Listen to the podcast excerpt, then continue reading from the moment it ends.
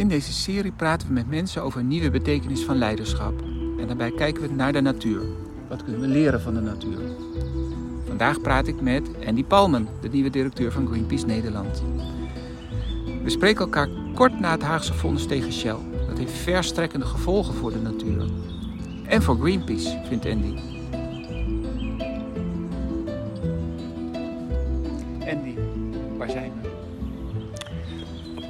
Mooiste plekje van Nederland. Amelisweert, vlakbij Utrecht, tegen Utrecht aan. Uh, heel mooi natuurgebiedje. Uh, de long van Utrecht, vind ik. Waar je kunt zwemmen, eten, waar je kunt voetballen met je kinderen. hele mooie plek. ongelooflijk omstreden plek. wordt hier al ja, begin jaren 80, dus al 40 jaar is hier strijd tussen uh, mensen die wegen willen aanleggen door dit gebied en uh, de milieubeweging. En be vooral bewoners uit de stad Utrecht die dat gewoon niet willen. Die willen hier gewoon een mooie plek. En als ik jou vraag, Andy, uh, wat is jouw favoriete plek in de natuur? Dan noem je dit. Ja, zeker van dichtbij. Dus als ik dan verder weg mag kijken, dan kom ik ook nog in Schotland en zo terecht. En ik had de kans een paar jaar geleden om op de Shetland-eilanden op zoek te gaan naar otters. Die ik overigens nooit gevonden heb daar. Ja. Uh, maar dat zijn natuurlijk ook hele mooie plekken. Maar als ik nou denk van hier waar ik woon, wat is nou mijn mooiste plek, dan is dat echt hier. Ja. En als je om je heen kijkt, wat zie je dan?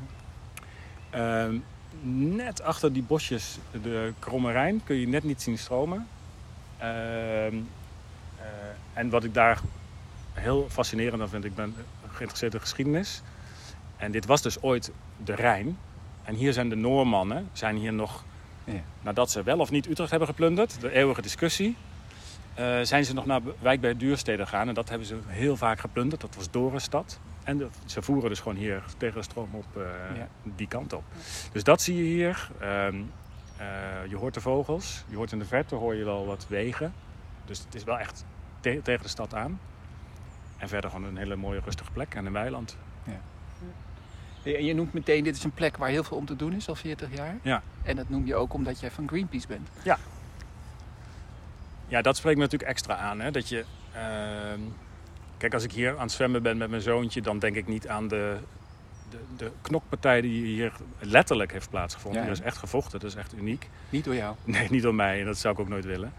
Uh, dus als ik hier met mijn zoontje ben, denk ik daar niet over. Maar voor mij is Amelisweert wel zo'n plek in Nederland, waar er wel meer plekken van zijn, waar je ziet dat, uh, dat landelijk willen we iets willen we een minuutje sneller kunnen doorrijden op een knooppunt. En dat de bewoners het gewoon niet willen. En uh, dat de stad het niet wil en de provincie wil het niet. En toch gebeurt het. Of tenminste, ja. toch dreigt het te gebeuren. En dat vind ik wel fascinerend als je naar dit soort plekken kijkt. Hoe kan dat nou? Maar als je van Greenpeace bent, ben je dan een hoeder van eh, wat alle mensen vinden die hier wonen of een hoeder van de natuur? Ja, het een kan niet zonder het ander. Dus je, kijk, wij, wij, wij zijn uh, bezig met duurzaamheid, dus met het klimaat, met biodiversiteit. Dat zijn de twee belangrijkste onderwerpen. Uh, maar wij zijn altijd afhankelijk van wat mensen vinden. Wat ze voelen, wat ze denken wat ze, en, dat, en vervolgens wat ze doen om zo'n plek te beschermen. Dus wij, kunnen, wij zijn ook maar met 100 mensen op kantoor. en wij hebben meer dan 300.000 mensen in onze achterban die ja. ons steunen. Ja. Maar ja, zelfs dat is natuurlijk niet genoeg om echt iets voor elkaar te krijgen. Dus we zijn van allebei. Wat mensen vinden en hoe krijgen we mensen betrokken om dan vervolgens samen uh, de natuur te beschermen en het klimaat te beschermen. Maar, maar kan je de natuur dan nog zien als je zo'n actievoerder bent? Nou, ik liep anderhalve week geleden liep ik met een vriend en we waren, hadden een hartstikke leuk gesprek. En opeens zag ik vlak naast de melkveehouder zag ik allemaal brandnetels en zag ik allemaal bramenstruiken. En toen zei ik tegen hem, hier hebben we dus een stikstofprobleem. En toen dacht ik, nee, dit is niet goed. ik wil daar wel kunnen lopen, gewoon in een leuk gesprek en uh, in de natuur. En niet bezig zijn met wat er dan misgaat met de natuur. En soms heb ik daar wel last van. Dus ik doe ook mijn best om er niet te veel van te weten. Dus ik heb wel een tijdje gedacht dat ik van elke boom de naam wilde weten en alle planten wilde snappen. De namen en, uh, en, en waar, hoe ze leven of hoe ze groeien. En ben daarvan teruggekomen. Dat wil ik juist niet. Ja. Ik, wil, ik wil er niet zoveel van weten. Ik wil het gewoon om, kunnen ondergaan. Maar ik denk dat ja, ik ben al jaloers op je baan, maar ik denk dat heel veel mensen jaloers zijn op je baan. Omdat je werkt bij een organisatie die we allemaal kennen en waarvan het doel uh, ook super helder is en ook ja. heel belangrijk is. Is dat ook de reden dat je daarom daar werkt? Ben je zo bevlogen? Ja. Ja, ja zeker. Ja. Dus ik ben. ehm, ik denk dat ik als kind wel redelijk bevlogen was. Dus ik was wel, als ik dan op de rommelmarkt stond om spulletjes te verkopen, dan ging dat wel naar het goede doel. Toen ben ik dat jaren kwijt geweest. Wilde ik gewoon het bedrijfsleven in, een carrière maken, Oh ja. geld verdienen. Ehm, en toen ben ik eigenlijk, toen ik afstudeerde, toen kwam dat weer terug. Toen ging ik me weer wat meer op de Want wereld wat gebeurde er? er gebeurde niks. Dat was gewoon een persoonlijke ontwikkeling. Dus dat je, dat in mijn eerste banen dat ik het eigenlijk niet vond. Dat ik dacht, waarom vind ik het nou niet? Ja. Eh, waarom word ik hier nou niet blij? Terwijl het heel leuk werk was. Ehm, ik deed het samen met vrienden. Ik had een eigen bedrijf opgezet. Het ging ook nog goed. Ehm, maar ik werd er gewoon niet gelukkig. En, dus er gebeurde niet iets, behalve dan dat ik eh, ja, de, de echte verbinding met het werk miste. Er was niet iets om het voor te doen. En ik ben totaal niet religieus, maar ik heb altijd gedacht, ik zou heel religieus kunnen zijn. Ik moet me dus verbinden met iets hogers om gemotiveerd te zijn. Ja. Eh, maar ik ben volslagen ketter. Eh, maar je snapt wat ik bedoel. Dus Ja. ik, ik wil me verbinden met iets, iets groters dan mijn eigen leven. ja. En dat, is, ja, dat, dat, dat vind ik echt in de, in de, in de milieubeweging. Ja, daar is dat. En hoe gaat het nu met de milieubeweging? Eh, het gaat, vind ik heel goed. We hebben natuurlijk twee weken geleden hebben we de, rechtszaak gewonnen tegen Shell. Ja. Wat ongelooflijke, ongelooflijke prestatie is. Ja. Ehm, Milieudefensie is daarmee begonnen. Wij hebben ons laten aangesloten, dus wij waren mede-eiser in die zaak. Dus ik zat in de rechtbank toen de uitslag kwam. Ehm, iedereen stond met tranen in de ogen. Het was echt fantastisch. Omdat je realiseert dat, nou ja, 20 jaar geleden toen ik bij Milieudefensie begon, of 15 jaar geleden toen ik daar werkte. Toen stonden wij nog met pinguïnpakken voor de Shell-stations met bordjes te protesteren. En er kwamen de automobilisten toeterend langs. En die staken of een middelvinger omhoog of een wijsvinger op hun voorhoofd. Dat we helemaal knettergek waren. Ja. En 15, 20 jaar later lukt het dus om eh, een zaak te winnen die wereldwijd consequenties zal hebben voor de fossiele industrie. Ja. Eh, ja, dan gaat het gewoon goed met die beweging. En je ziet eh, het ook wel, je ziet ook dat het mainstreamer aan het worden is. Hè? Dus je ziet hoe, hoe D66 het groene thema nu omarmt. Maar ook hoe je ziet het, hoe het in de harten van de mensen zit en in de hoofden van mensen. Ehm, het moet, maar dat moet ook. We hebben nog tien jaar. Het moet nu gebeuren. Ja, Want, want jullie zijn, met, eh, je bent van Milieudefensie naar Greenpeace overgestapt. ja er zat nog wel acht jaar ontwikkelingssector tussen. Dus toen hebben we veel met mensenrechten bezig gehouden. Ontwikkelingssamenwerking. Maar ben je ook steeds activistischer geworden? Want dat is zeg maar het, het imago van Greenpeace. Ja, ja, dat, ja, ik denk het wel, ja. Verstand komt met de jaren, zeggen ze dan. Of niet? Nee, juist wel. nee, ja, wie zijn verstand gebruikt, wordt, wordt, wordt activist. Ja? Ja. Want? En wordt ook eh, op een goede manier wat radicaler. Nou ja, omdat, kijk, je hoeft maar de rapporten open te slaan. Je hoeft, je hoeft echt de krant maar goed te lezen een paar dagen achter elkaar. En wat rapporten te lezen en je weet gewoon wat er aan de hand is in de wereld. En dat het absurd is dat we... Nou, ik had laatst een gesprek met, eh met eh PricewaterhouseCoopers. Eh die wilde graag eens met ons praten, de raad van bestuur. Heel leuk gesprek. En daar zei ik van, ik zou zo graag willen, op, op een goede manier, dat jullie nu in paniek raken. En dat, ik weet hoe ruig dat klinkt en dat dat heftige uitspraak is. Maar als je de rapporten leest, zie je dat we nog maar minder dan tien jaar hebben om de ergste vormen van klimaatverandering te stoppen. En dat is al een type klimaatverandering in termen van opwarming, waardoor we hele grote stukken koraal gewoon kwijtraken. Ja. De wereld gaat gewoon ongelooflijk veranderen. Ehm, en dat zien we nu gebeuren. En, en- en we zijn nu nog, we zijn er nog, we zouden nog kunnen redden, maar dan moeten we nu echt iets gaan doen. Dus je kunt eigenlijk niet meer toe met een gematigde boodschap en we gaan het wel eens met elkaar bespreken en ja, we gaan eens een plan maken. Nee, je moet echt nu in volle vaart Ja. aan de slag. Maar dus ja, hoe- ouder ik word, hoe, misschien wel een beetje radicaler, ja. Ja, en hoe lekker is dat dat je altijd het gelijk aan je zijde hebt? Of eh, heb je ook wel twijfels? Nee, ik heb geen twijfels. Nee, ik heb geen twijfels. Ehm, ik heb niet het gevoel dat ik altijd het gelijk aan mijn kant heb. In ieder geval wordt dat zeker niet zo gezien. Nee. Maar ik heb geen twijfel of we, wat we aan het doen zijn de goede koers is of de goede route is. En is het dan dat het, is het een strijd om lijfsbehoud die je voert? Ja, volgens mij om niks minder. Ja. Ja. En ook dat klinkt heel heftig, maar als je, als je, eh, nogmaals, als je die rapporten ziet en ook als je verhalen hoort. En je ziet nu al eh, het aantal stormen toenemen of de cyclonen waardoor mensen overlijden, die gewoon rechtstreeks toe te wijzen zijn aan klimaatverandering. Ja. Ehm, ja, dit gaat gewoon over lijfsbehoud. En in deze tijd heb je dus mega invloed. Mede. Dus dat is ook een vorm van eh, richting geven. Hè? Dus je hebt, eh, een- we hebben het hier over steeds over leiderschap in deze, deze podcast. Ja. Is het nou makkelijker om leiderschap te hebben wanneer je ja, zo'n eh, belangrijk onderwerp hebt waarmee je werkt? Zou je kunnen voorstellen dat je leiding geeft aan een advocatenkantoor of aan een, aan een, aan een boerderij? Altijd, wordt altijd een enorm, en dat is ook zo, hè? Wij- Wij clashen natuurlijk als milieubeweging heel vaak met de landbouwsector. En tegelijkertijd, als je kijkt naar de gemeenschappelijke waarden, zou je hè, het, eh, liever voor de natuur en eh, eh, verbinding willen maken met wat alles wat leeft. Daar vind ik milieuactivisten en boeren bijna vergelijkbaar. Alleen in de praktijk gaan we allemaal een hele andere richting op. Ja, zou ik leiding kunnen geven aan een advocaat? Nee, ik zou niet weten hoe dat moet. Nee. Want ik, ik, mijn hele leven werk ik al met intrinsiek, echt intrinsiek gemotiveerde mensen. Die vanuit hun drang om iets te veranderen aan de wereld aan het werk zijn. Ja. En dan zeg ik niet dat dat niet bij, bij een advocatenkantoor kan. Natuurlijk kan het daar ook. Maar laat ik zeggen, in de commerciële wereld, eh, ik zou geen toetjes kunnen verkopen. Of ik zou ook geen leiding kunnen geven aan een commerciële afdeling. Want ik snap de drijfveren niet. Ik kan ze wel rationeel snappen, maar ik voel ze niet. En je bent nu directeur van Greenpeace Nederland. Ja. Hoe voelt dat? Ja, ik vind het, eh, ik vind het een droombaan. Ik vind het eervol. Ehm, omdat ik het me realiseer dat ik... Ja, ik heb nu het, die pet op.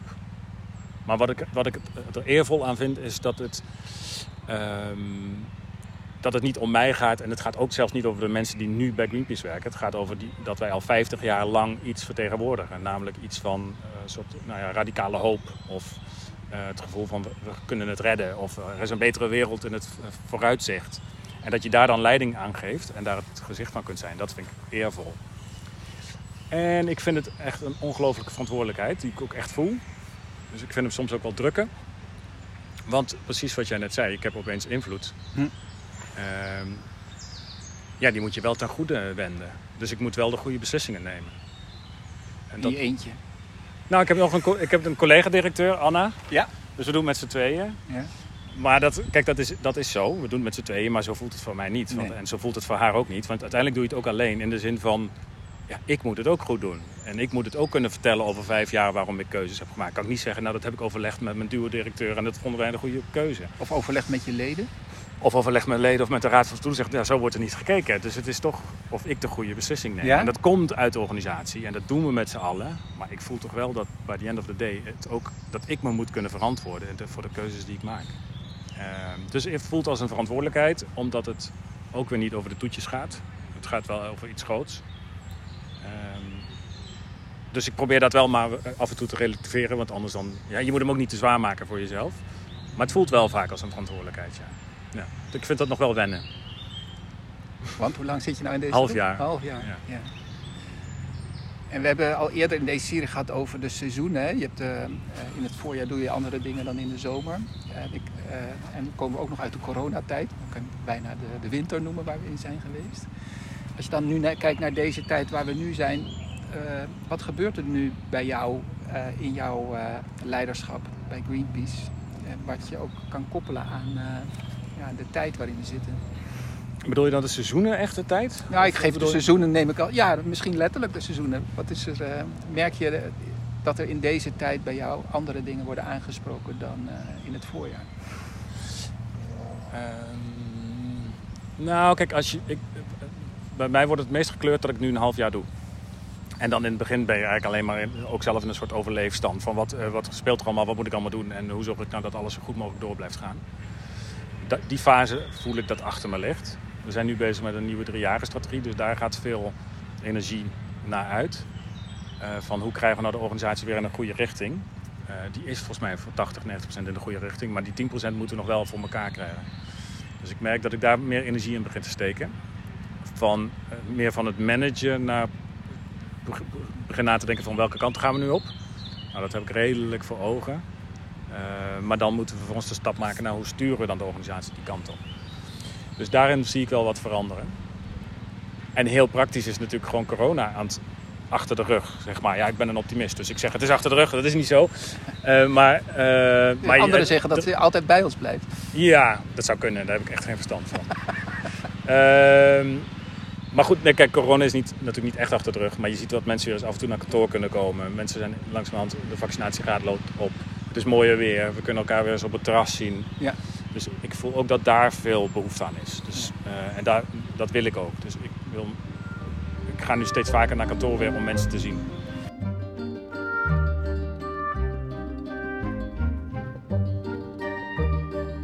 Net noemde je die eh, Shell-uitspraak als een eh, enorme mijlpaal. Ja. En je noemde de verantwoordelijkheid die je voelt in je, in je positie. Is dat ook een verandering waarin jullie komen? Dat nu het zo gemeengoed is geworden dat iedereen aangesloten raakt bij het klimaatprobleem, dat jullie rol ook moet veranderen in de samenleving? Ja, dat is, een, dat is een, echt een vraag waar ik aan, over aan het knarsen ben. Heel sterk. Dus wat, wat je volgens mij ziet nu gebeuren is dat... ehm, kijk, de belangen worden zo groot naar het einde toe. Het is bijna een soort eindspel waar we in zitten. Oh ja. Eh, hè, tien jaar. En dan weten we of we het wel of niet redden. En dan kunnen we maar beter beginnen met eh, eh, ons echt aanpassen. Wat nu ook al gebeurt. Maar we zijn nu nog in de fase dat we het kunnen tegenhouden. Ook biodiversiteitsverlies gaat heel hard. Maar op klimaat weten we dat we nog ja, 8 tot 10 jaar hebben. Ehm, je ziet het verharden. Dus vroeger, zeiden we als milieubeweging, gingen we met een rapportje naar een bedrijf toe en zeiden we: Kijk wat we ontdekt hebben, wat jij doet in het buitenland, of in je supply chain, of in, eh, of in Nederland. Of, nou, lieten we dat zien. En dan gingen we een gesprek en dan voerden we een gesprek en dan veranderde er soms wat. En als er niks veranderde, gingen we actie voeren, gingen we aan de gevel hangen. Ehm, gingen we nog eens, een- en dan gingen we onderhandelen. Dan hadden we onderhandeld en dan wa- was er iets uitgekomen. Klassiek zoals de milieubeweging werkt. Maar die bedrijven die- nu nog niet veranderd zijn, of die nu nog niet een groen- groene richting hebben gekozen, die gaan of kapot, letterlijk. En dat willen we niet. Ik ben, ik ben er niet op uit om bedrijven kapot te krijgen. Totaal niet. En het is, nu ook de kritiek op Shell, hè, dat ze zo moeten gaan reduceren dat Ja. je Shell kapot maakt. Helemaal niet de intentie, maar je moet nu naar groen. Het moet.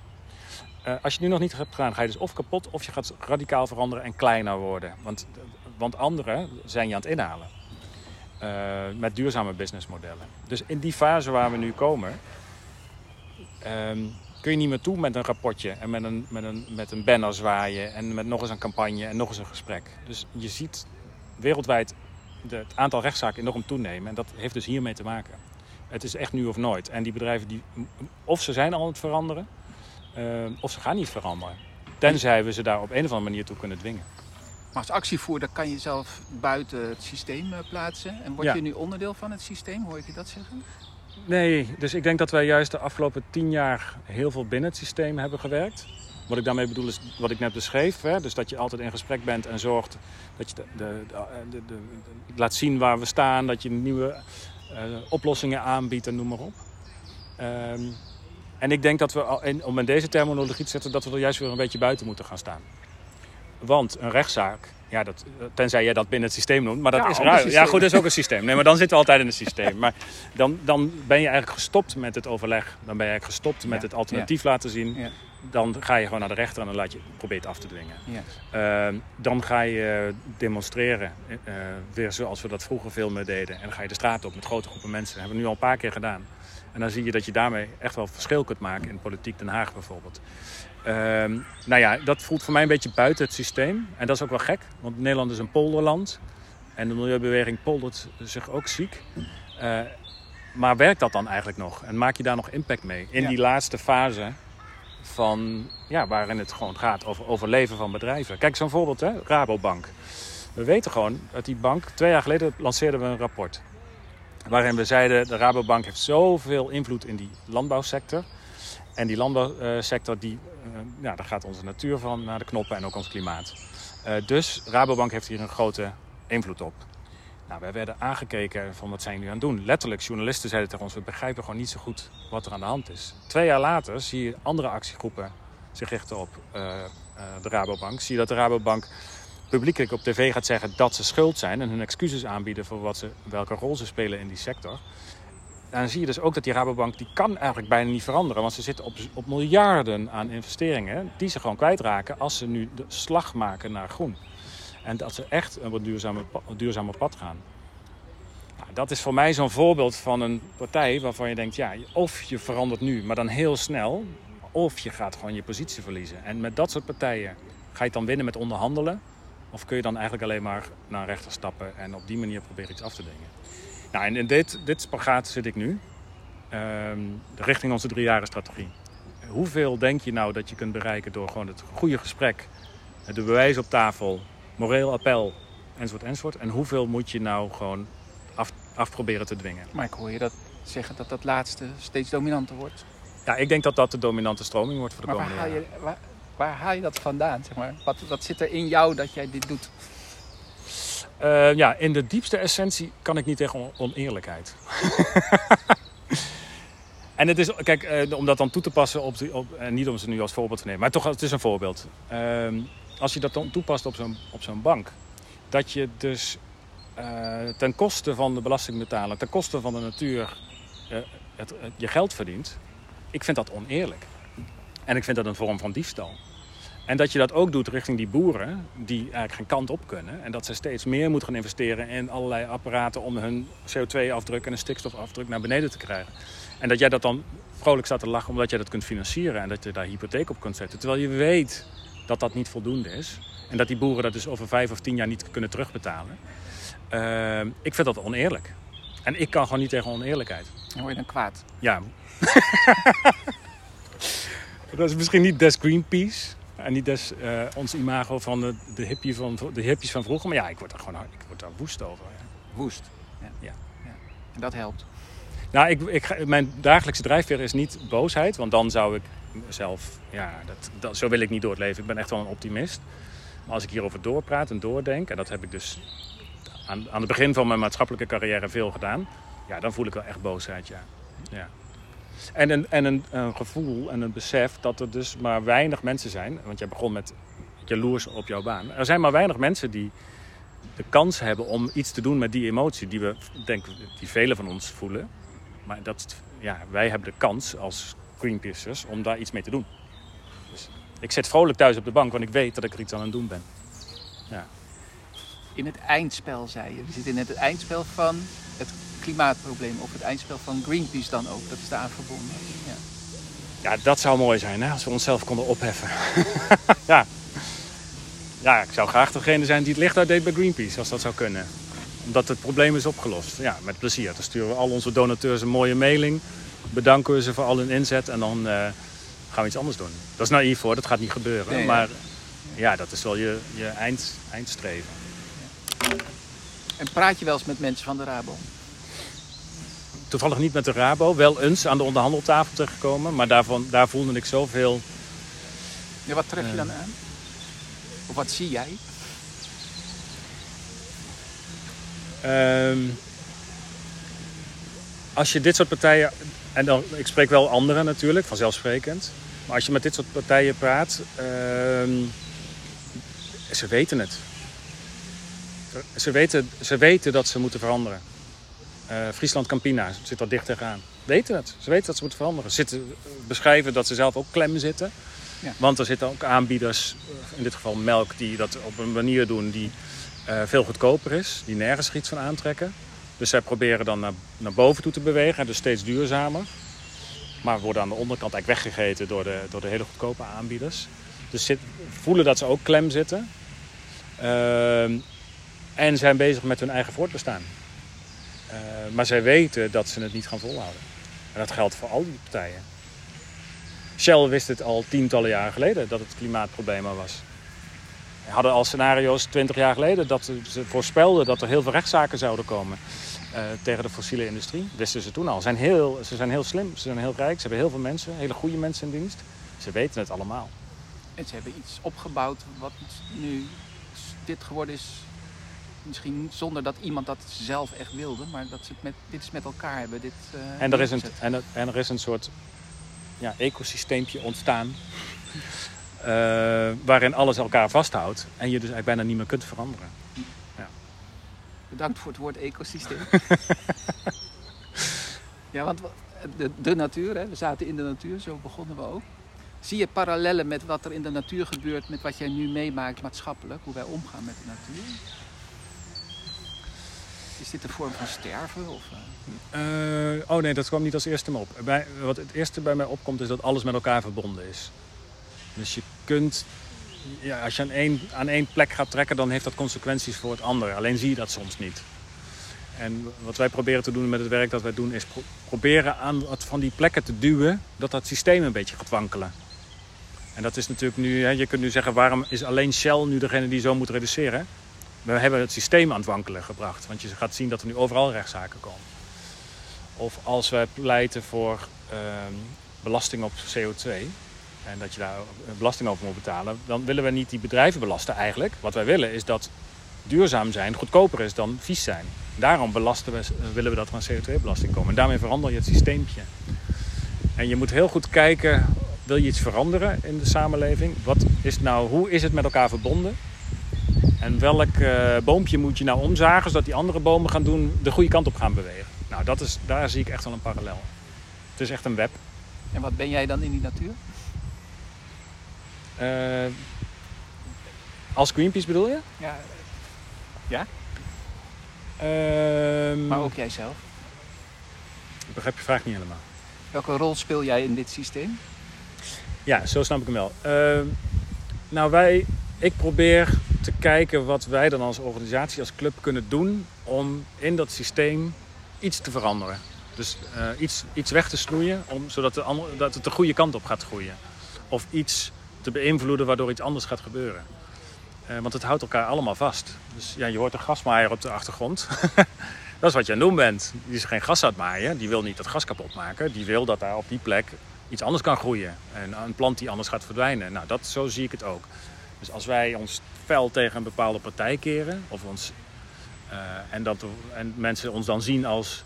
Nou, die club die neemt er wel flinke stelling en uh, ze gaan, het zijn activisten. Ja, ik wil iets laten groeien.